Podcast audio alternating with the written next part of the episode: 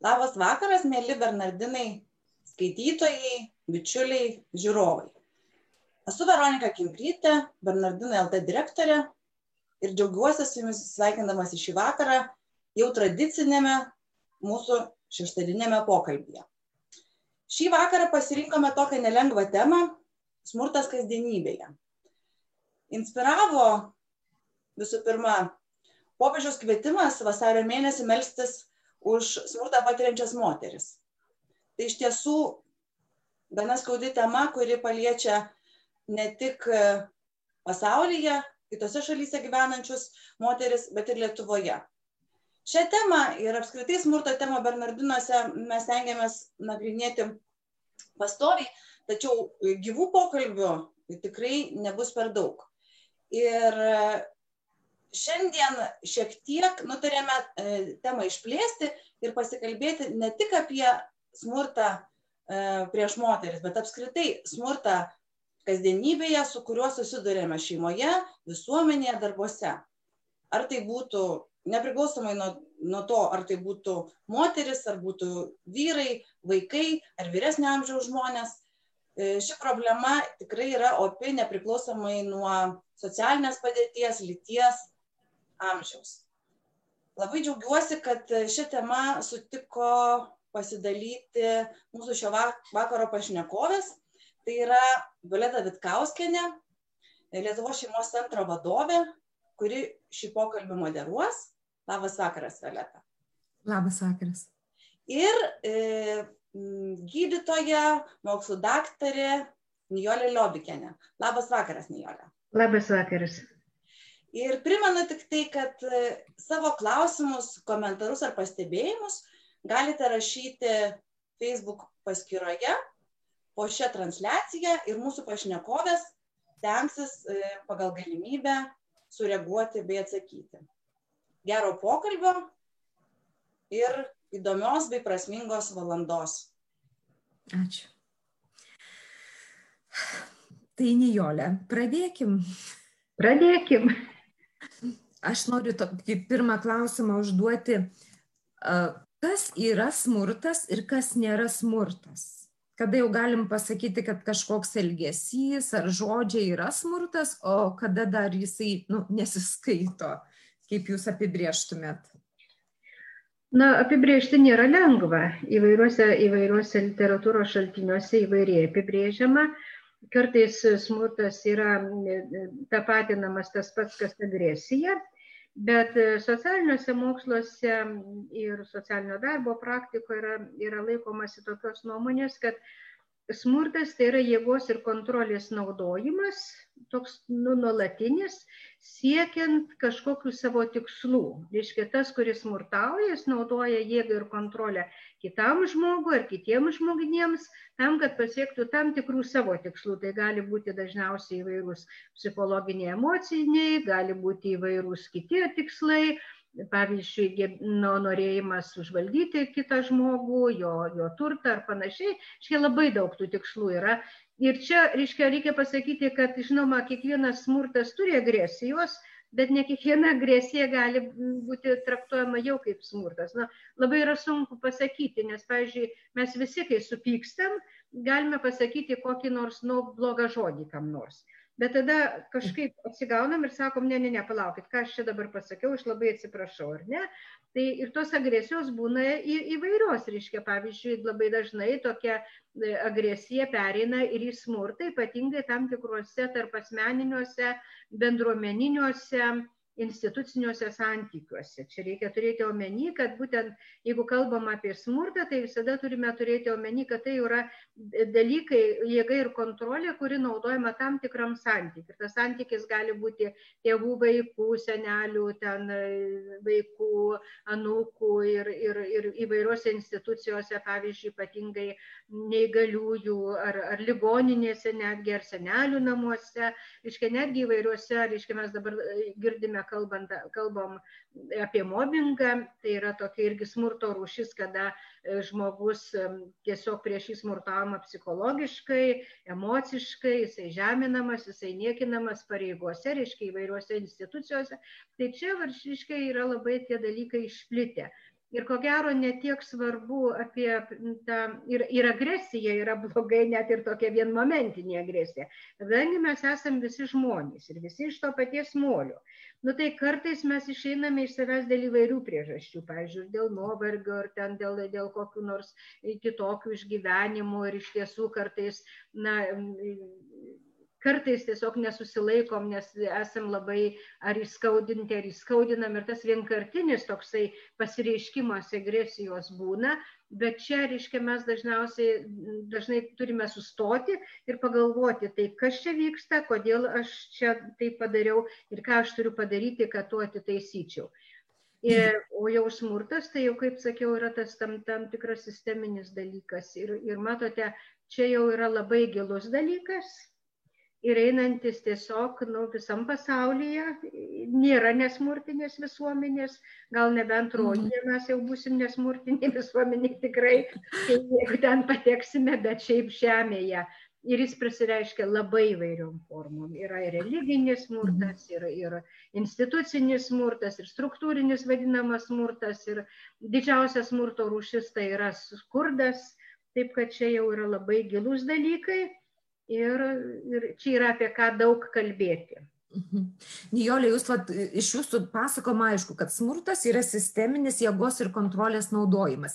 Ir iš to, ką vardinat, nei viena vieta nėra, kad ten smurto nebus. Tiek darbovietė, tiek namai, tiek vat, ar mokykla, kur vaikai lankosi. Nu, ta prasme, visos bendruomenės nu, yra tinkamos smurtui pasireikšti. Kur yra žmogus, ten yra Taip, kur galimybė. yra žmogus ir kur yra tarp asmeniniai santykiai, ten ir gali atsirasti. Ir jisai, žinoma, mat, mat priklauso nuo to, kaip mes su juo apseiname. Yra, yra reiškia, tas smurtas gali būti tai labai sustabdomas, vat prasideda jis nuo agresijos, ar ne? Nu, pavyzdžiui, mokyklai vaikai ėmė ir susimušė. Tai vat, jeigu teisingai šitą dalyką sutvarkyti, išsiaiškinti, kas čia vyksta ir priimti bendras nuostatas, kad taip mes nesprendžiame dalykų, nes ne, ne, konfliktų ir tada pamokyti vaikus, kaip tie kon- konfliktai sprendžiami, tai tada žinoma, jo pasireiškimų bus mažai. Bet vis tiek, na, kad jau visai taip, taip duok dievė, kad tai būtų, bet Žiūrėkite, ir vaikas augdamas, jis dar mažas būdamas kokių metukų ar dviejų ar trijų, jau jis moka parodyti pyktį ir kai jisai išsigasta, nes agresija labai dažnai ir eina su baime, ar ne, tai jisai irgi pradeda ar ten mušti, ar ten kasti, ar ką nors. Tai va čia jau tokie dalykai, kurie tiesiog kartais kaip gynybinis mechanizmas, bet jis nėra tinkamas. Ir tada auklėjimo dalykai ir, ir, ir asmenybės ugdymas turėtų būti, reiškia, žmonės išmokomi kitokiu būdu spręsti problemas. Ir čia, va, kaip... Aha. Taip, prašau. Aš kaip tik noriu paklausti, o kokios būtų smurto tada nu, priežastys? Jūs jau pradedat kalbėti apie ūkdymą, nu, tai reiškia, jos iš kažkur iš ten gal šiek Nu, tiek. Tai taip, tai nie- niekas nesiranda iš nieko. Tai visada yra kažkokios tai priežastys ir tai jos gali būti, jos, mato tai, ką mes dabar matom mūsų visuomenėje. Tai muštynės, peštynės, nužudimai, prievartavimai ir visokie kitokie blogi dalykai. Tai yra lietkalnio viršūnė. Tai yra matomas smurtas, bet visos, tas visas lietkalnis, kuris iš tiesų, kurio dėka ir formuojasi tas, pasirodo tas smurtas, tai yra giliai po, po vandeniu. Ir čia vėlgi yra labai tokios didelios, pavyzdžiui, jeigu mes, kodėl mes galime klausti, kodėl Lietuvoje vis dėlto yra labai daug smurto. Taip. Ir, ir, ir netgi smurto tokio, kuris nelaikomas netgi smurtu. Pavyzdžiui, dabar aš naudosiu tokį pavyzdį. Mūsų pokalbis kam nors nepatiks. Taip? Ir visai normalu, kodėl turi visiems patikti. Ir visai normalu, kad visuomenėje, kurie nėra linkusi labai smurtauti, būtų parašyta, man labai nepa, nelabai patiko jūsų pokalbis, aš ten ne- nesutinku su tokiom ir tokiom jūsų mintim ir taip toliau. Bet į, į ką susiveda visi šitie komentarai? Į žmogų, tu tokia, tu anokia, tu trečio, yra tiesiog įžeidinėjamas žmogus. Dabar mes galim klausti, iš kur tai yra.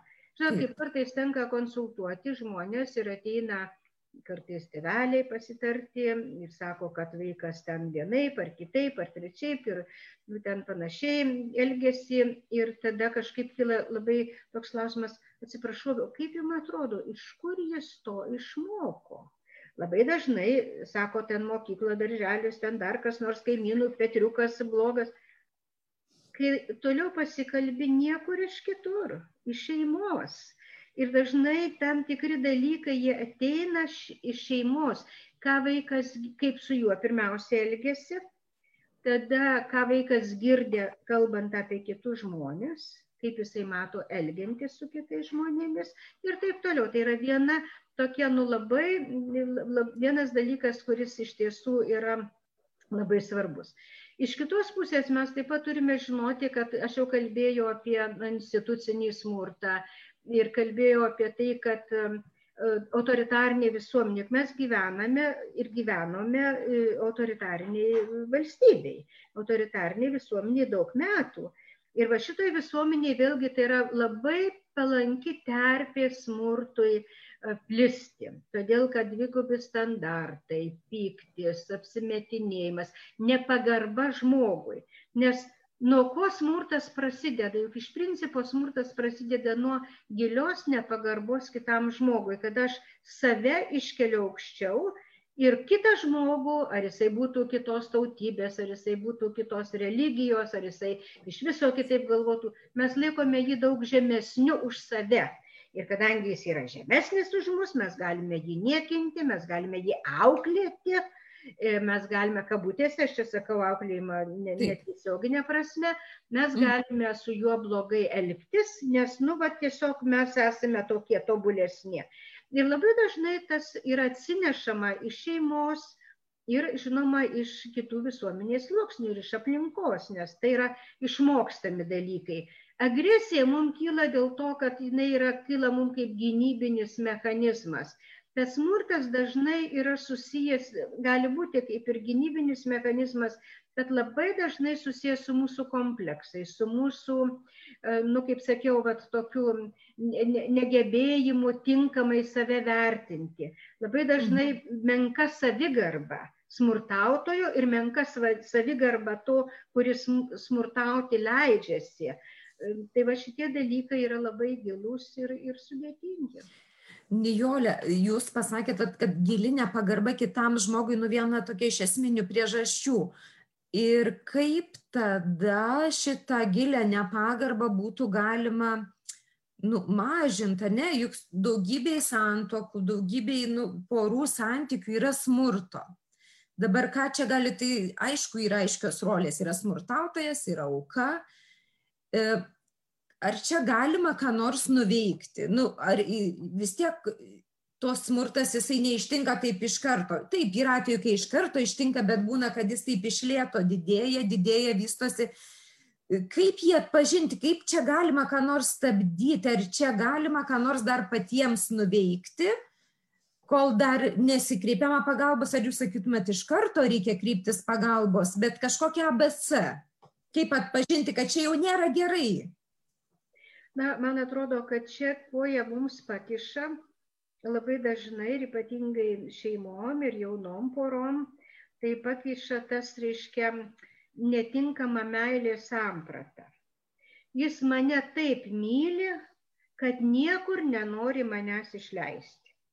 Jis mane taip myli, kad viską, už, viską man nuperka, kad aš nesivarginčiau. Ir, nu, tai vat, man gal ir gerai. Iškia, yra tam tikras dalykas, kur mes iš tiesų e, dalykui, kuris jau kvepia iš tiesų, yra kaip smurto, toksai pasireiškimas, mes sakom, ne, čia yra meilė, čia žinokit, jisai mane taip myli, arba jinai mane taip myli, ar ne, arba aš jį taip myliu, kad turi viską padaryti, ko jis iš manęs reikalauja. Nu juk pažiūrėkite, tas menka savigarba, kurie ateina dėl to, kad žmogus nebuvo gerbiamas ir mylimas. Juk apie ką mes dabar kalbam, tai nuo ko mes pradėsim, reiškia, čia yra visas ratas tam tikrų dalykų. Juk mes turime pirmiausiai galvoti apie vaikus šeimose. Ir jeigu vaikas bus mylimas, Jeigu jisai bus saugus, o saugus tai čia yra ne tik tai fizinis saugumas ir psichologinis saugumas, ar ne, jeigu mes jį gerbsime, gerbti tai nereiškia leisti vaikui viską, ko jisai nori, ne. Gerbti tai reiškia, kad mes nesakom blogų žodžių apie vaiką, kad mes jo neniekinam, kad mes jo neujam ir nesakom, koks tu kvailas, o žiūrėk, koks joniukas ar kokia e, džiulieta protinga, ar ne. Ir vad nuo čia viskas ir prasideda. Ir tada vaikas išauga su savigarba, kuris jis sakys, palaukit, jeigu su juo ne, ne, elgsis nepagarbiai, sakys, atsiprašau, aš nežinau, kodėl jūs su manim taip elgėtės. Kitas dalykas yra tam, tikros, tam tikri dalykai, kurie ateina jau iš nu, tokių gilesnių klodų, iš mūsų, pavyzdžiui, netgi istorinės patirties, aš čia nekalbu apie tuos baisius dalykus ir baises traumas, nuo kurių mes dar esam nepagyję, bet, na, pavyzdžiui, paimkime literatūrą ir paskaitykime, kad ir kokią žemaitę, lasdinų pelėdą, aišku, dabar ko gero niekas tokių senų autorių nes, ne, ne, ne, neskaito, na ir pat tą patį Juozą Baltušį, kuris buvo, kaip sako, rašytojas nuo Dievo, vis dėlto nepaisant ten jo tam tikrų, reiškia, įsitikinimų, kiekvienas žmogus juos turi turėti, tu matai, kad tuose, tie vaikai vis dėlto, nu, kaip čia pasakius, daug ten išgyveno visokių dalykų, kurie šiandien būtų traktuojami kaip vaiko nepriežiūra arba smurtas. Bet iš kitos pusės ne visi tie vaikai, iš jų tapo labai daug um, garsių asmenybių ir tarpukario Lietuvoje, vis dėlto buvo tam tikras moralinis auklėjimas, buvo ugdym, ugdoma sąžinė. Ir tas sąžinės ugdymas, aišku, pradėjo atsakyti klausimą, nedaryk to, ko kitam, ko pats nenori, ir neatsiprašyk. Galų gale netgi auklimo dalykai, tu turi, e, negali skriausti gyvūnėlių, negali tyčiotis iš neįgalių. Ir tie dalykai buvo mūsų, mūsų tarpukario Lietuvoje. Tai, bet, bet tai, ką mes turėjome baisius dalykus, išgyvenome tame tarpe ir vaikai, ir mūsų jau tėvai, ir mūsų seneliai, žinoma, tas atsiliepia žmonėms ir jie ir, ir, yra labai sunku. Netgi tas pats darbo, reiškia, nu, pasidalinimas ar ne, na, žodžiu, yra tam, tikros, vis, nu, tam tikri dalykai, kurie yra labai sudėtingi. Bet jeigu atsakant į tavo klausimą, tai žinoma, kiekvienas žmogus, kuris save gerbintis, jis iš karto pajunta, palaukit, čia kažkas ne taip. Čia kažkas su ta meilė ne taip. Aš turiu pasikalbėti. Nes matot, jeigu taip galvojant, tai jeigu taip analizuojant tą smurtą šeimoje, tai dažniausiai neprasideda nuo mušimo ir nuo, ir nuo nedaug dievę nužudimo. Dažniausiai prasideda nuo menkų dalykų aš tave įžeidžiau, aš tave iškoliojau, aš pasakiau, kokia tu varna, arba koks tu ten netikės, tu tai, vat, Jonas, vat, kaiminystė, tai, vat, matai, kaip jisai viską, tu nieko nesugebinė. Čia yra, matai, ir vyrams, ir moteriams, tai moter, moteris dažniau patiria fizinį ir, ir, ir seksualinį smurtą, aišku, bet, bet jos taip pat moka smurtauti. Čia tai nėra šituose dalykuose jokių, bet nei ten ar tu įsilavinęs, ar neįsilavinęs, ar tu turi e, aukštą užimį postą, tu visada yra visada galimybė, kad kad tu gali smurtauti. Ir čia yra baisu, nes tada labai sunku patikėti, kad toks žmogus įsilavinęs ir toks visoks ir gali smurtauti. Žinote, kartais, kartais draugaujant iš tiesų jau, kaip jau konsultuoji poras, tai matai, kad jau bendraujant buvo tų smurto požymų, bet tiesiog, nu tai čia gal netyčia, gal, gal nu, atsiprašė. Ir dar vienas dalykas, kuris yra labai toks svarbus, kad smurtautojas turi kažkokią tokią bjaurę galę, kad jisai moterį, kuri ir protinga, ir graži, ir visokia, arba, nu, vyra kartais, tas smurtautojas įtikina, kad tu esi niekam vertas, kad tu nieko nesugebi, kad tu esi ten visiškai niekas ir taip toliau. Ir tada žmogui labai baisu, nes jis pradeda tuo tikėti. Ir kartais būna toks baisus dalykas, ateina moteris, pasakoja baisius dalykus, smurtą. Ir aš sakau, ponė, bet prieš jūs smurtauja. Jis sako, nu bet žinot, mano charakteris toks blogas, tai nu kartais aš, aš savo smurto, mėlyjei, niekada negalima pateisinti. Tai yra nepateisinamas dalykas. taip gali būti žmogus sudėtingo charakterio tada reikia kalbėtis tada reikia bet nereikia kelti rankos mušti ir niekinti tai va čia dalykas. Ir jeigu tas smurtas iš pradžių prasideda nuo nu va tokio paskui o gal ten pastūmė paskui o gal ten pini pinigų nedavė paskui neišleido kur nors nes labai myli ir bijo kad tu ten išeisi. Čia reiškia labai daug tokių visokių reiškia pasireiškimų būna ir paskui jau tiktai ateina nu į tą fizinį smurtą. Ir tai sako nu tu pati kalta reiškia. Ir ir ir jau tas procesas pažengęs taip toli, kad jau žmogus bando, bando ir, ir reiškia, nu, tiesiog patikti tuo. Tai va čia pirmas dalykas turėtų labai atvirom akim žiūrėti į savo būsimą sutoktinį ar į savo būsimą, reiškia, nežinau, pasakyčiau draugą, bet matot, mano draugystės samprata yra šiek tiek kitokia, na, bet jeigu žmonės ruošiasi kartu gyventi, tai vis tiek turėtų labai gerai pagalvoti. Kitas dalykas, aišku, e, turi turėti moteris ypatingai, bet taip pat ir vyras, turi turėti tam tikrą palaikymo e, grupę žmonių, kurie galėtų pasiguosti, pasikalbėti ir jie pajustų palaikymą.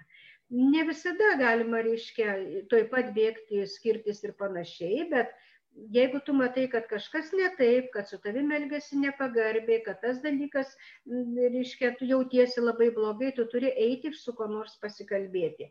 Ir neužtenka vien tik profesionalo, bet su kuo tu pasitikė. Ar tu turi ten draugą ar draugę ar, ar, ar giminaičius ar ką nors. Ir aplinkiniai taip pat turėtų pastebėti, kad šita šeima, kuri atrodo tokia, vat, pora tokia ir staiga kažkaip jie tai pasidarė lyg ir nuliūdę, lyg tai va, kažkaip paklausti, klausykite, gal noriu tavęs paklausti, kaip jums sekasi. Ir tada labai greitai žmogus iš karto tas klausimas tarsi padeda na, kalbėti, reikia įsikalbėti.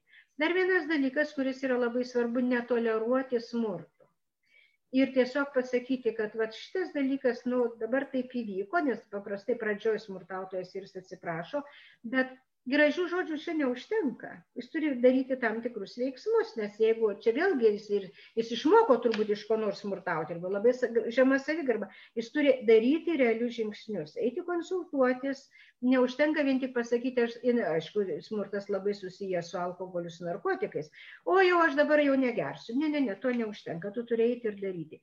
Ir žinoma, jeigu moteris netoleruos smurto arba vyras netoleruos smurto, kaip nu tokio nenormalaus reiškinio, nes smurtas plinta tada, kada leidžiama smurtauti. Ir man atrodo, kad valstybė dabar priimtas įstatymas, kuris sako, jeigu šeimoje smurtas, tai nėra šeimos reikalas. Ir tai yra labai svarbu, kad tą dalyką.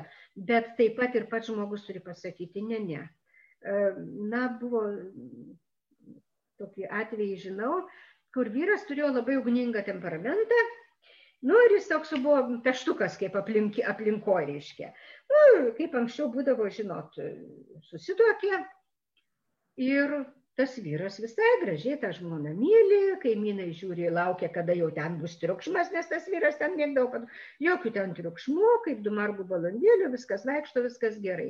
Nu, ir tada kaimynas priejo jau prie to jau, jau, jaunuolio ir sako, nu, čia taip, taip, nu tai kad ne, ne, ne, sako, jau čia mes taip susitarėm, kad jau taip nebus. Tada klausė žmonos, tai kaip jūs ten susitarėte, o ta žmona ir sako, nu taip vieną kartą, reiškia, mes pradėjom gyventi, jis pradėjo ant manęs balsą kelti, pirmas simptomas balsas pakeltas, nors tiesą pasakius, nu, nužudyti smurtų galima žodžiu ir, ir veiksmu, ir, ir, ir visai kitaip, bet čia buvo balso pakelimas ir jinai taip labai gražiai pasakė. Tai dabar sėskim ir pasikalbėti. Tai vat, jeigu ir toliau taip bandysi balso, tai mes negyvensim. Aš, aš ne, to nepriimu. Mes turime, jeigu ką norite, mes turim atsisėsti ir pasikalbėti. Išmintinga moteriškė, aukštų mokslų nebaigus, susitvarkė gyvenimą, nugyveno visai gražiai. Taip kad kartais va, tas pirmas, pirmoji reakcija. Nesakyti, Pati pradžia pati pradžia, nesakyti, kad aš dabar nusipelniau, kad ant mane šauktų. Ant nieko negalima šaukti ir, ir nieko negalima žeminti. Tiek vyrui, tiek moteriai. Nijolė, kaip tik. Mhm. Mhm, tiek močiutė, kaip tik va, atėjo klausimas labai į, į tą temą, kaip jūs kalbat. Kaip atskirti rūpestį, meilę, globą nuo lyguisto smurtinio rūpeščio varžymo tėvų, senelių, vaikams ar anūkams? Kada rūpestis meilė globa, kada yra smurtinis rūpestis ir varžymas. Užjaučiu tuos, kurie tokį rūpestį išgyvena. Bet noriu pasakyti, kad tai, ką jau sakiau, jeigu leidžiate, kad jums, jums taip smurtiškai rūpintųsi, tai smurtiškai rūpinasi. Tai pirmas dalykas turite labai gerai žinoti, kad jūsų kaip saugusių žmonių gyvenimas yra jūsų žmonių, saugusių žmonių gyvenimas ir jūs turite turėti ribas, net ir labai besirūpinantiems ir labai, nu, tokiems, tikrai jie labai iš gero nori tėvams arba ten močiutėm ar seneliam. Turite labai mandagiai, bet labai tvirtai pasakyti, labai atsiprašau, bet čia jau yra mūsų reikalas ir mes nenorime, kad jūs į tuos dalykus kištumėtės. Tai nebus labai lengva. Jo. Jeigu tai yra susiję netgi su pinigais, tai žinote, kieno vežime sėdi to ir giesmė gėdė.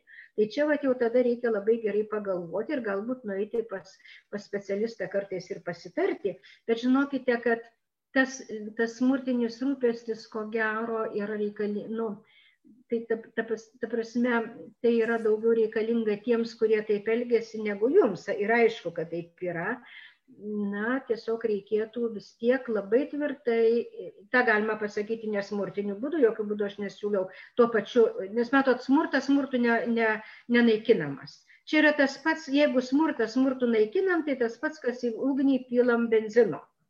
Dar bus dėsnis smurtas, bet čia reikia labai tvirtai mandagiai, bet labai tvirtai, pirmiausiai susitarus dėl, dėl mm, ribų, taisyklių savo šeimoje ir dėl labai aiškias ribas ir taisyklės nustatyti.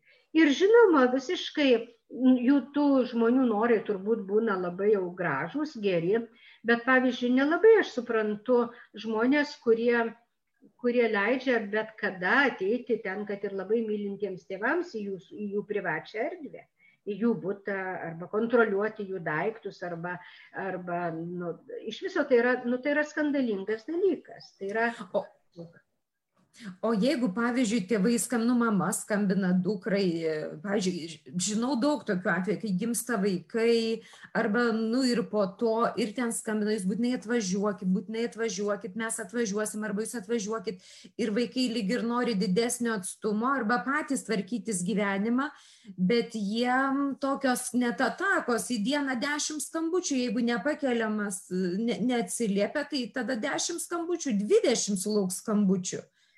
Kas Na, pirmas dalykas, kad šitas geras prietaisas kaip telefonas, jis turi išjungiklį. Tai, žinoma, tai čia, čia nebus nepagarba tėvams, nes daugelis katalikų sako, tėvus reikia gerbti ir mylėti. Bet matote, gerbti tai nereiškia leistis, kad e, smurtautų. Žinote, kai kuriuose kultūrose yra, reiškia, irgi sakoma, moteris turi gerbti vyrą, ir už tai jinai turi eiti ten dešimt žingsnių paskui vyrą, nuleidus galvą ir, ir susikūprinus. Čia nėra pagarba, čia yra smurto apraiška, tai yra kultūrinio smurto, yra labai daug kultūrinio smurto. Tai šį čia tiesiog tiem teveliams reikėtų labai gražiai pasakyti, mėly teveliai, labai ačiū, mes susiskambinsim nu, ten vieną kartą savaitėje ar, ar du kartus savaitėje, pasikalbėsim, dabar nesirūpinkit, mes norime turėti šiek tiek ramybės, viskas tvarkoja, žinom, kad jūs labai rūpinatės, bet mes į jūsų daug skambučių atsakyti, atsakyti negalim. Bet tai yra klausimas toksai, kai mes kalbam apie smurtą, tai yra klausimas, o kodėl tie vaikai bijo pasakyti, kodėl, tai nėra lengva, aš juos labai užjaučiu. Taip Tai nėra vaikas, tai yra tėvai. Ir tėvams nustatyti vat, tokią, žinai, pagarbę, bet vis dėlto riba yra, bet jinai turi būti nustatyta labai rimtai. Ir to, to vaiko, kurio tėvai skambina. Nebūtų gerai, jeigu Marti sakytų Anytai arba ten žentas uošveniai tai būtų nu, toks didelis konfliktas. Gal reikėtų, kad vaikai pasakytų savo tėvams, padėkotų, bet kartu ir tada, kad jie laikytųsi tos taisyklės. Ir žinoma, kad tie tėvai jausis visaip ir taip toliau, nu nieko nepadarysi. Toks yra gyvenimas, ilgainiui jie tiesiog apsipras. Nes kartais tėvai nori nugyventi ir savo vaikų gyvenimą tai va čia jau čia jau ir atsiskyrimo klausimas čia yra toks atsiskyrimo klausimas bet dar kartą noriu kartoti mes negalime leisti nes jeigu mes nestabdome smurto jisai plinta Nijolė dar nu, neseniai nu, pradeda birėti tas mitas, kad tikinčiose šeimose taip pat yra smurtas.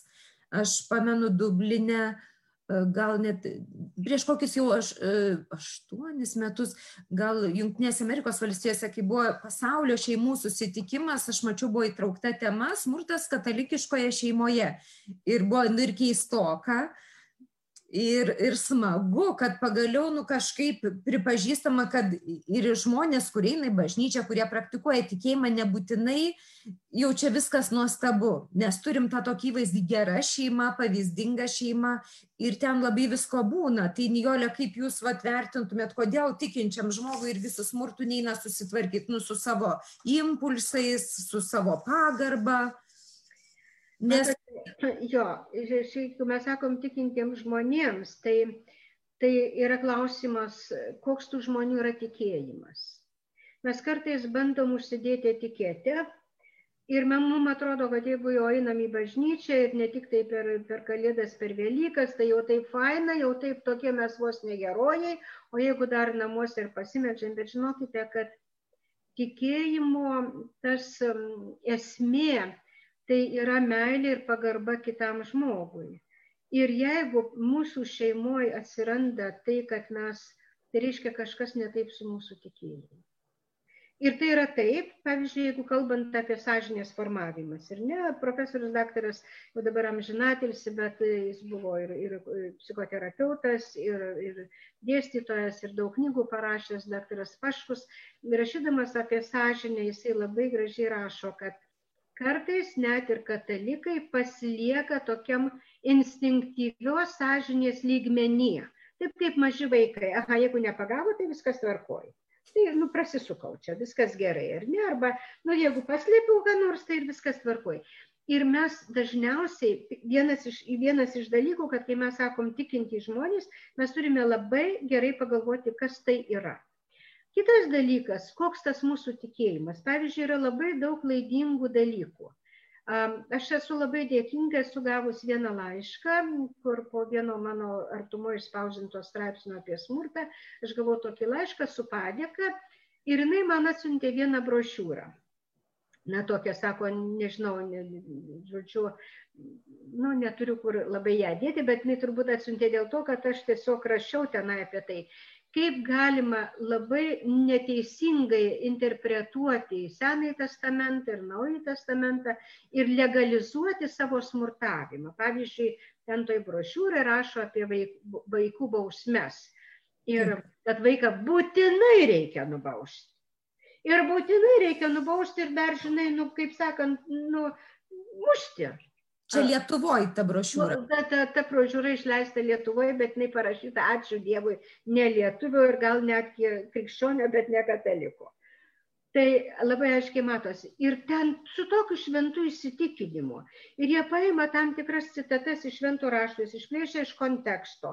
Ir jie visiškai nesiskaito su tuo vaiku, kad jam reikia pirmiau paaiškinti, kad tos bausmės, nu, reiškia tiesiog, nu taip, imtas ir sukauta. Ir tokių žmonių irgi pasitaiko. Dar daugiau kartais būdami krikščionys nėra apsaugoti nuo tokios baisios krikščioniškos puikybės. Jeigu aš jau esu krikščionis, tai jau aš virš viskų. Ir jau tada visi turi čia manęs klausyti, nes aš vos nešventasis, nu aišku, iki to šventojo tai čia dar labai toli ir nežinia, kaip ten bus, bet kad visi, va, reiškia, aš pasakiau, tai aš žinau, aš esu ir tai nieko panašaus. Reiškia, jeigu užsidedi tą etiketę, nes ir nacija turėjo gotmituns užsidėję ant savo diržų, ar ne kareiviai, tai žiūrėkite, jeigu užsidedi tik tai etiketę ir tavo tikėjimas nėra išgyvenimas, iš, išgyvenamas, jeigu tu nesidarai kantresnis, malonesnis, labiau mylintis, labiau kitus suprantantis, kažkas yra blogai su tavo tikėjimu. Todėl, mhm. kad, kad, žinot, čia jau yra jo ir tada, žinoma, yra visokių dalykų, yra visokių dalykų, kur aš galiu, žinai, ir tu iš karto matai, kaip žmogus elgesi, kaip jisai atsiprašo, kaip jisai ieško pagalbos, kaip jisai sako, kaip jisai. Tai čia jau yra kitas dalykas, bet labai dažnai va ta krikščioniška puikybė, jinai pakiša labai daug, nu, kaip pasakyti, raštų ar ne. Ir taip, tikrai taip. Ir todėl mes turime žiūrėti, koks yra žmogus iš tiesų ir jį gerbti ir vertinti ne dėl to, ar jis katalikas, ar jis nekatalikas, dėl to, kad jis yra žmogus. Nijolė, iš karto duodu jums sekantį klausimą. Kaip elgtis žinant, kad iš pažiūros gražioje šeimoje auklėjimas vyksta rykštele? Jei pokalbis su tai beselgiančiais tėvais baigėsi ne jūsų reikalas, mes sprendžiam patys. Nu, viena vertus, nu ne mūsų reikalas. Bet kita vertus, kaip dažnai ta rykštelė naudojama, koks yra kon... Jūs matote, vėlgi čia, žinot, čia kažkaip atrodo labai, nu, tokio dalyko balta arba juoda turi būti, ar ne? Mhm. Jeigu jau rykštelė, tai jau vaikų teisų apsaugos tarnyba ir jau taip, taip toliau. Nu, ne visada taip galima, bet kartais ta viena rykštelė yra geriau negu, pavyzdžiui, savaitę laiko su vaiku nesikalbėti arba nuolat sakyti, koks tu esi bjaurus ar blogas. Tai, bet žinoma, aš niekada ne, nerekomenduoju jokių rykštelių.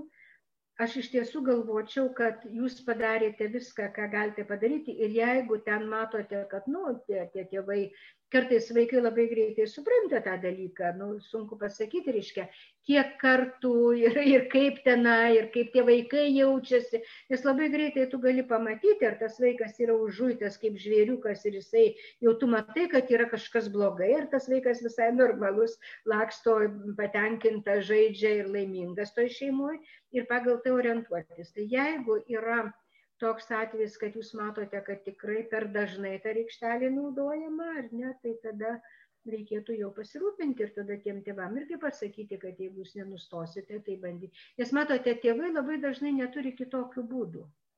Aš esu nemažai vedus. Ja, aš esu matus ir mes labai dažnai nu, su daktarė Širkšnienė esame vedę mokymų. Tai reiškia, vien, aš prisimenu vieną atvejį, kada tikrai nuostabi, nuostabi grupė, visos nuostabios buvo grupės ir viena ponė sako, nu, buvo klausimas, mušti, nemušti vaiką, žinot, čia, čia, kaip, kaip čia dabar išauklėsi vaikai. Taip. Ir tada mes kalbėjome ir kalbėjome ir kalbėjome ir tada aš sakau, nu, ponė, o, nu, vat, ar jūs prisimenat savo vaikystę, prisimenat, kaip jūs jautėtės? Ne? Ir aš sakau vieną dalyką aš, aš sakau, nu, sutinku, jeigu jūs paaiškinot vaikui, ką jis blogai padarė, ramiu balsu, labai aiškiai pasakėte, jau penkis kartus apie tą dalyką pasakėte ir vaikas nesitaiso. Ir tada labai ramiai sakote, nu, man, man labai skauda širdį, bet man nieko nelieka, kaip aš tau dabar turiu vat, per užpakaliuką suploti, dėl to, kad tu kitaip manęs neklausai. Ir tai aš sakau, gal ir pritarčiau tokiam dalykam. Ir ta moteris sako, klausykit, jūs čia juokaujat. Kada mes mušam vaiką? Tada, kada jautėmės bejėgiai, kada jaučiamės, kad mes nemokam su juo susitvarkyti, tada, kad nežinom, kaip tvarkytis ir panašiai. Tai aš tai niekada tokiam dalykui. Ir matote, vien, bet iš kitos pusės aš užjaučiu tuos tėvus, nes niekas jų nemokė. Jeigu paskaitysite literatūros klasikus, tai ten, oho, žinai, jo, netgi ir baltušiai. O, o ką jūs patartumėt va tiem tėvam, nu gerai, jie tada reiškia kažkaip išeina iš savęs su tuo vaiku, nu neranda kalbos, nes jie įmasi rykštelės, kad kažkaip vaikas išgirstų, padarytų ten, ką jie mato reikalinga. Ką jūs patartumėt? Na, pirmiausia, aš, aš patarčiau niekada su vaiku nekalbėti, kai esat supykę. O tai kada kalbėt? Tai tiesiog pasakyti taip, tu elgesi dabar, aš, ne tu blogas, bet tu elgesi dabar blogai Ir, nu, aš dabar negaliu su tavim kalbėtis, imti per traukėlę tam minutės ar ne. Sau. Sau. Ir jam, tu vat, dabar pasidėsi čia penkias minutės, kai tu nusiraminsi, aš mes su tavim pasikalbėsim. Ir kai jis nusiramina, tas toks atskirimas ant, ant nusiraminimo kėdutės, kur čia dabar labai dažnai kartais dviračio žinios sako. Bet iš tiesų tai geras dalykas. Ir tada ateini ir žiūri vaikas, sakai, tai kas dabar nutiko tu, kaip tu dabar ir kaip aš jaučiu. Ir tada, jeigu tikrai reikia, tai tada nu, na, tam tikrą nuobaudą galima skirti, pavyzdžiui, bet čia jau yra atskira tema, čia yra tėvystės gebėjimų ugdymas.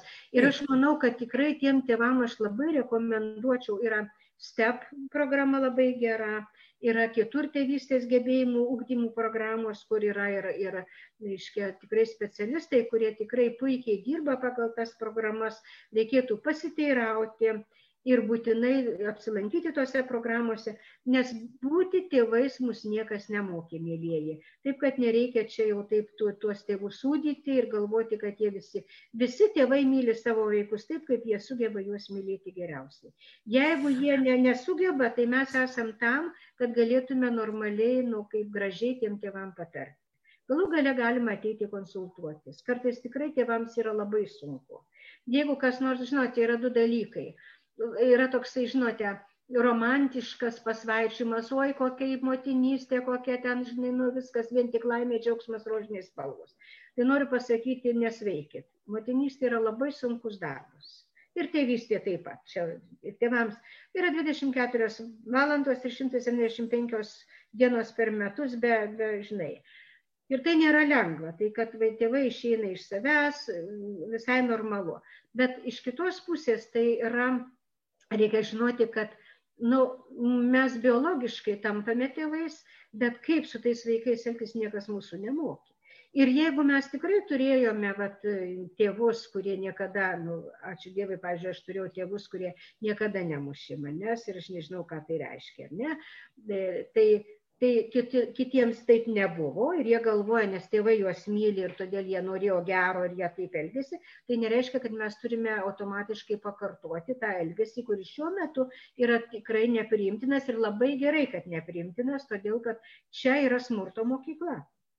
Bet čia prasideda smurto mokykla. Nijolė, o tiem žmonėm, kurie patys patyrė smurtą arba smurtavo, kaip iš to išgyti? Kaip iš aukos to vaidmens išeiti, kaip iš smurtautojo vaidmens išeiti? Na, pirmiausia, žinoma, reikia, reikia atpažinti smurtą. Ne? Tai kuo anksčiau atpažinsime ir pavyzdžiui, aš kartais galvoju, kai tenka pasikalbėti su poromis, galvoju, viešpatie Dieve buvo tokie akivaizdų smurto požymiai ir taip jis buvo net pažintas ir dabar jau yra sudėtinga. Tai va, mūsų tokia kalba dabar tokia tai, pasikalbėjimas, bet gal reikėtų dažniau ir nuodugniau apie tai kalbėti. Antras dalykas, auka turi nustoti būti auka kuria prasme kad jinai turi pasipriešinti greičiau smurtų, negu kad dabar tas, tas yra. Nes kai jau, kai jau yra fizinis smurtas, tai jau yra, sakyčiau, labai vėlu. Trečias dalykas, E, kad kai jinai, reiškia, eina, kaip čia pasakyti, dabar jau yra kalbama apie pagalbą smurto aukoms, matote, smurto auka turi tokią menką savigarbą ir taip nepasitikė savim ir taip nedrįsta ką nors daryti, Ir jeigu tas padedantis asmuo, į kurį jinai gali kreiptis, tai socialiniai darbuotojai, nu aišku, psichologai ar ten krizių centro darbuotojai, taip, taip pat naudoja smurtinį pagalbos būdą, tada niekas iš to neišeis. Nes ką mes dažnai sakom, ašgi tau sakiau skirkis, ašgi tau sakiau jį palik, ašgi tau sakiau nedaryk to ar to. Čia yra lygiai tas pats, nu kol kas nemuša, be žodžiais, nu ką pasako, tu va, kokia tu kvailė, aš tau sakau, tu nieko nedarau. Taip kad su smurto aukoms reikia labai aišku jau tada kada iš tiesų matosi kad sveikatai ir gyvybei yra pavojus tai nedelsiant kviesti vienas vienas du policiją ir taip toliau ir jau tada eina savo ruožtu. Bet kol dar nu kaip čia pasakyt yra švelnesni tam tikri atvejai tai tas kuris teikia pagalbą turi labai nu taip jautriai dirbti su tuo žmogum ir jeigu jisai nu smurtą naudoja kad ir žodinį, bet tokį, va, žinot, nu, aš gero noriu, tai aš tau sakau, kaip reikia daryti. Jeigu jinai gebėtų daryti, tai dažniausiai ir darytų, bet dažniausiai yra kitos priežastys, kad jinai nepasitikė savim, kad jinai užmiršų savo tam tikrus įgūdžius, dažnai neturi darbo, dažnai neturi palaikymo. Juk čia toksai turėtų būti švelnus ir toksai sistemingas darbas su tuo žmogum. Ir, ir, ir tas padėjimas tam žmogui pačiam daryti sprendimą. Žmogus turi pats nuspręsti, nes jeigu vyras, ar ten vyras ar žmona naudoja prievartą ir čia kažkoks darbuotojas naudoja prievartą.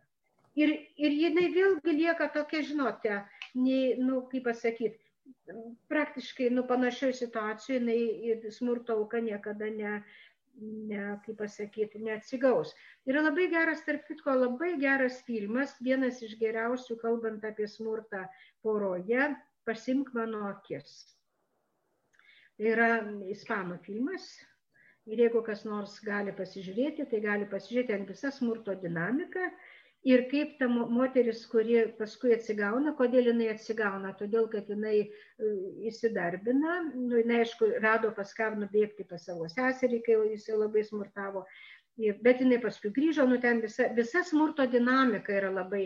Ir tada galima suprasti, kaip yra svarbu tai smurto aukai, kad jinai būtų gerbiama, kad jinai su ją būtų kalbamasi, kad jinai suprastų, kad na, kitas žmogus irgi labai aiškiai žino, ką, ką jinai yra patyrė, patyrus ir užjaučia ją, ne, nesistebi, nesako, nu kokia tu kvaila, kiek tu gali su juo gyventi, aš jau seniai būčiau įsiskyrus, ar ne, tai yra irgi tam tikras įžeidimas.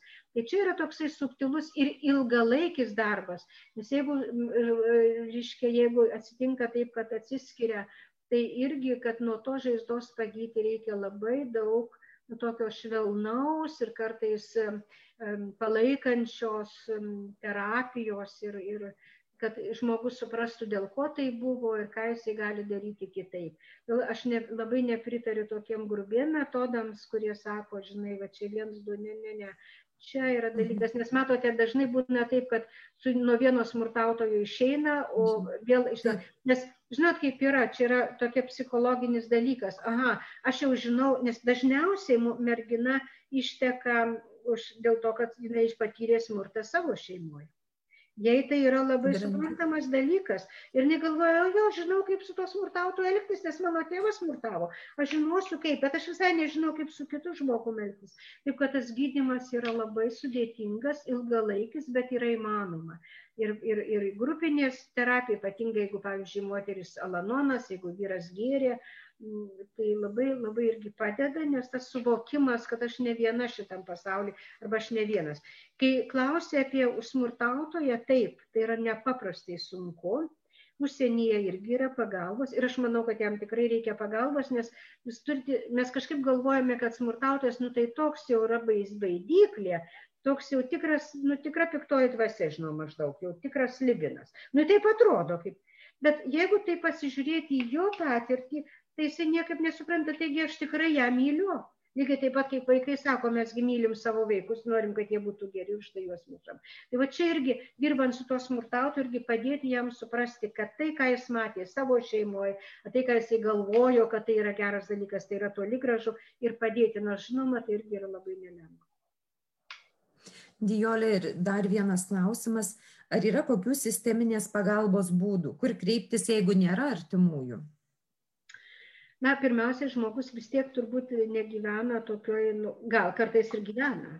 Nes matote uždarai labai. uždarai uždarai nes matote vienas iš smurto požymių tai yra kad smurtautojas at, at, atkerta visus ryšius.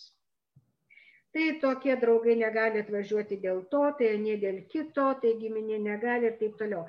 Bet iš kitos pusės, jeigu žmogus dirba, tai vis tiek yra gal bendradarbiai gal yra nu, kokiu nors bičiuliu. Tai reikėtų labai gerai, nes kartais, kai būna labai sunku, tai tiesiog užmiršti, ne, ne, neatsimeni. Tada, jeigu ir to nėra, tai labai dažnai smurtas yra slepiamas. Tai vienas dalykas. Tai kad, gėda. Gėda. Taip, gėda, bet matote, vis tiek. Baimė. Jo, baimė, kad susidoros ir panašiai, bet reikėtų pradėti kalbėti. Ir tada reikėtų eiti pagalbos, ieškoti specialistų. Ar tai yra šeimos centrai, kuri teikia tokią pagalbą, ar yra krizių centrai, galų gale netgi socialiniai darbuotojai, kur galima nueiti ir pasikalbėti. Vėlgi tai yra labai sunku. Jeigu žiūrėsite tą filmą, reiškia, pasimk mano akis, tai ten matysite, kaip moteris bando nueiti į, į policiją, dėl to, kad vyras nepaprastai smurtavo, nu, baisiai smurtavo. Ir kas, kas yra, kad smurtavo ne taip, kad matytųsi žymės, bet taip pažemino, jau taip pažemino, kad jau baisiau negali būti. Tai jinai sako, tai, o tas pareigūnas sako, tai ar kur nors yra sužeistumų, jinai sako, ne, nėra.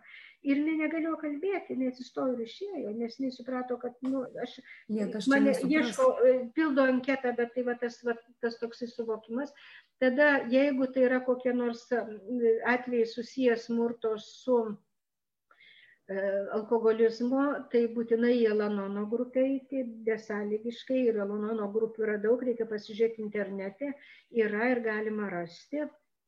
Na ir žinoma, na jeigu jau toks atvejis, kada visai, visai nieko, tai tada bandyti į krizių centrą ir bandyti atsiskirti ir, ir kažkiek nu, ieškoti savo pagalbos. Esu susitikus. Aš, aš manau, kad... Aš prieš pat... Taip, taip, taip, prašau. Nijoliais. Aš prieš pat laidą pažiūrėjau, kad yra 60 moterų krizių centrų ar, ar panašiai, kur specializuojasi būtent smurto klausimais ir galima skambinti tikrai, jeigu jūs įvesite į internetą e, apie pagalbą moteriams smurto atveju ar, ar vyrams, tai yra visa sistema 60 organizacijų, kurios tikrai specializuojasi toj srity ir jie tikrai žinos, ką atsakyti kaip padėti. Taip ir žinote, jeigu dar jūs rasite kur nors, reiškia, grupę smurtą patyrusiems asmenim, tai grupinis e, tas darbas, pasidalinimas grupė yra labai veiksmingas.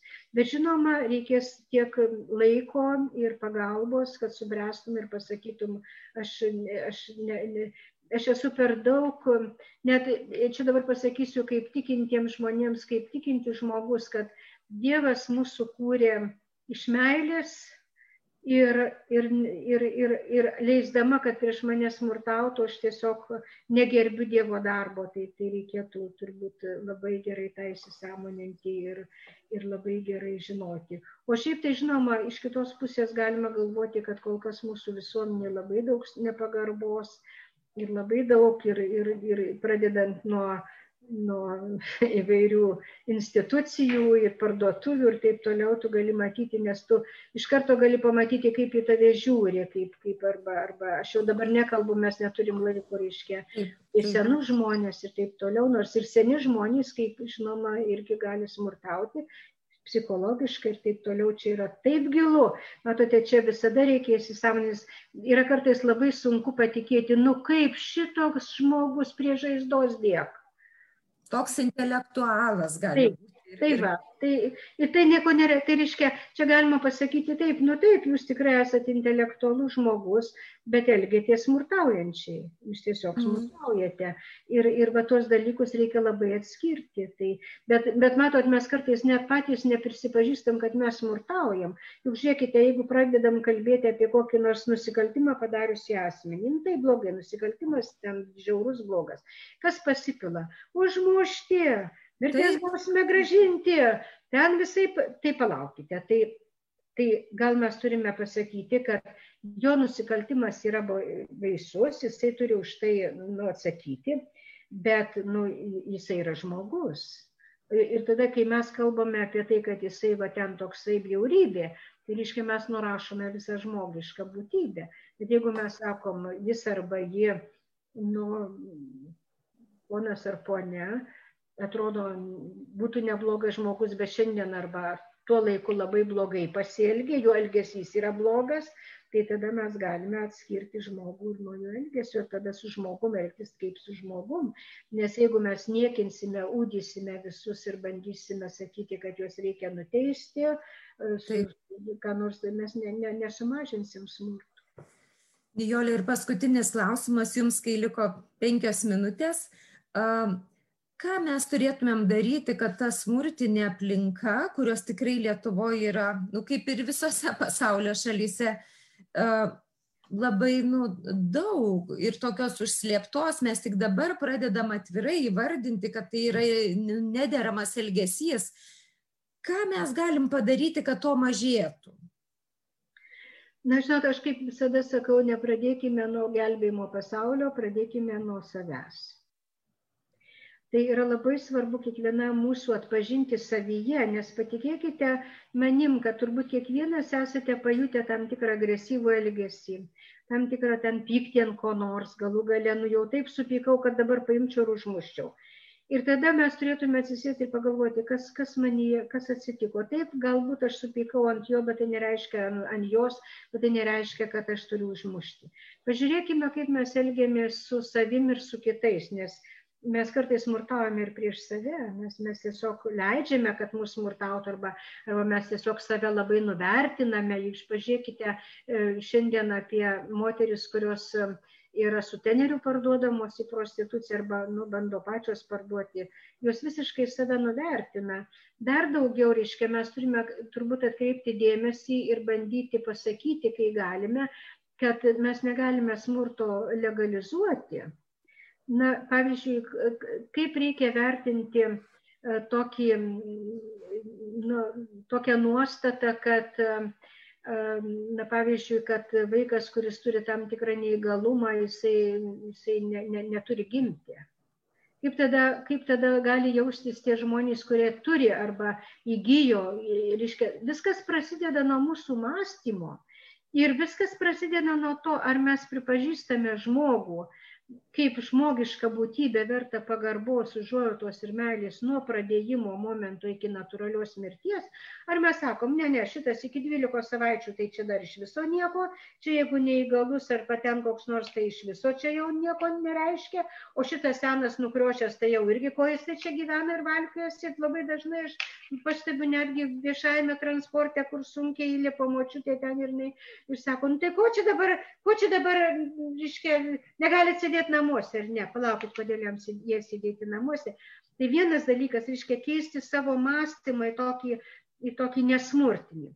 Kitas dalykas, labai bandyti atskirti va tą ta žmogaus pagarba žmogui ir jo elgesio įvertinimas. Ir žinoma, kai, jeigu esame šeimos centre ar dirbame, šviesti visuomenę šviesti visuomenę. Ir e, daktarė Gailienė su savo bendradarbiais labai nagrinėja tą traumų temą. Taip, šita tema yra ypatingai skaudi. Ir aš lygiai taip pat, reiškia, galvoju ir visada sakydavau ir savo studentams, holokaustas yra Lietuvos tragedija, tai nėra žydų tragedija. Tai yra Lietuvos tragedija, ko mes negavome ir kokią mes didžiulį skausmą, ar ne. Galų gale visos tremtys, partizanės kovos ir visa kita. Mes, šitų, mes dar nuo šitų, šitų baisių dalykų esame neišgyję ir mes negalime na, tiesiog per daug jautrus ir tada iš karto puolame ir sakyti, jie tokie ten blogiečiai ir jie tokie, vietoj to, kad pasakyti, na, taip, taip tas įvyko, tas buvo labai skaudu ir mes turime galvoti, kad taip nepasikartotų. Ir žinoma, mhm. konsultacijos ir pagalba. Pamatyti žmogų, kuris kenčia.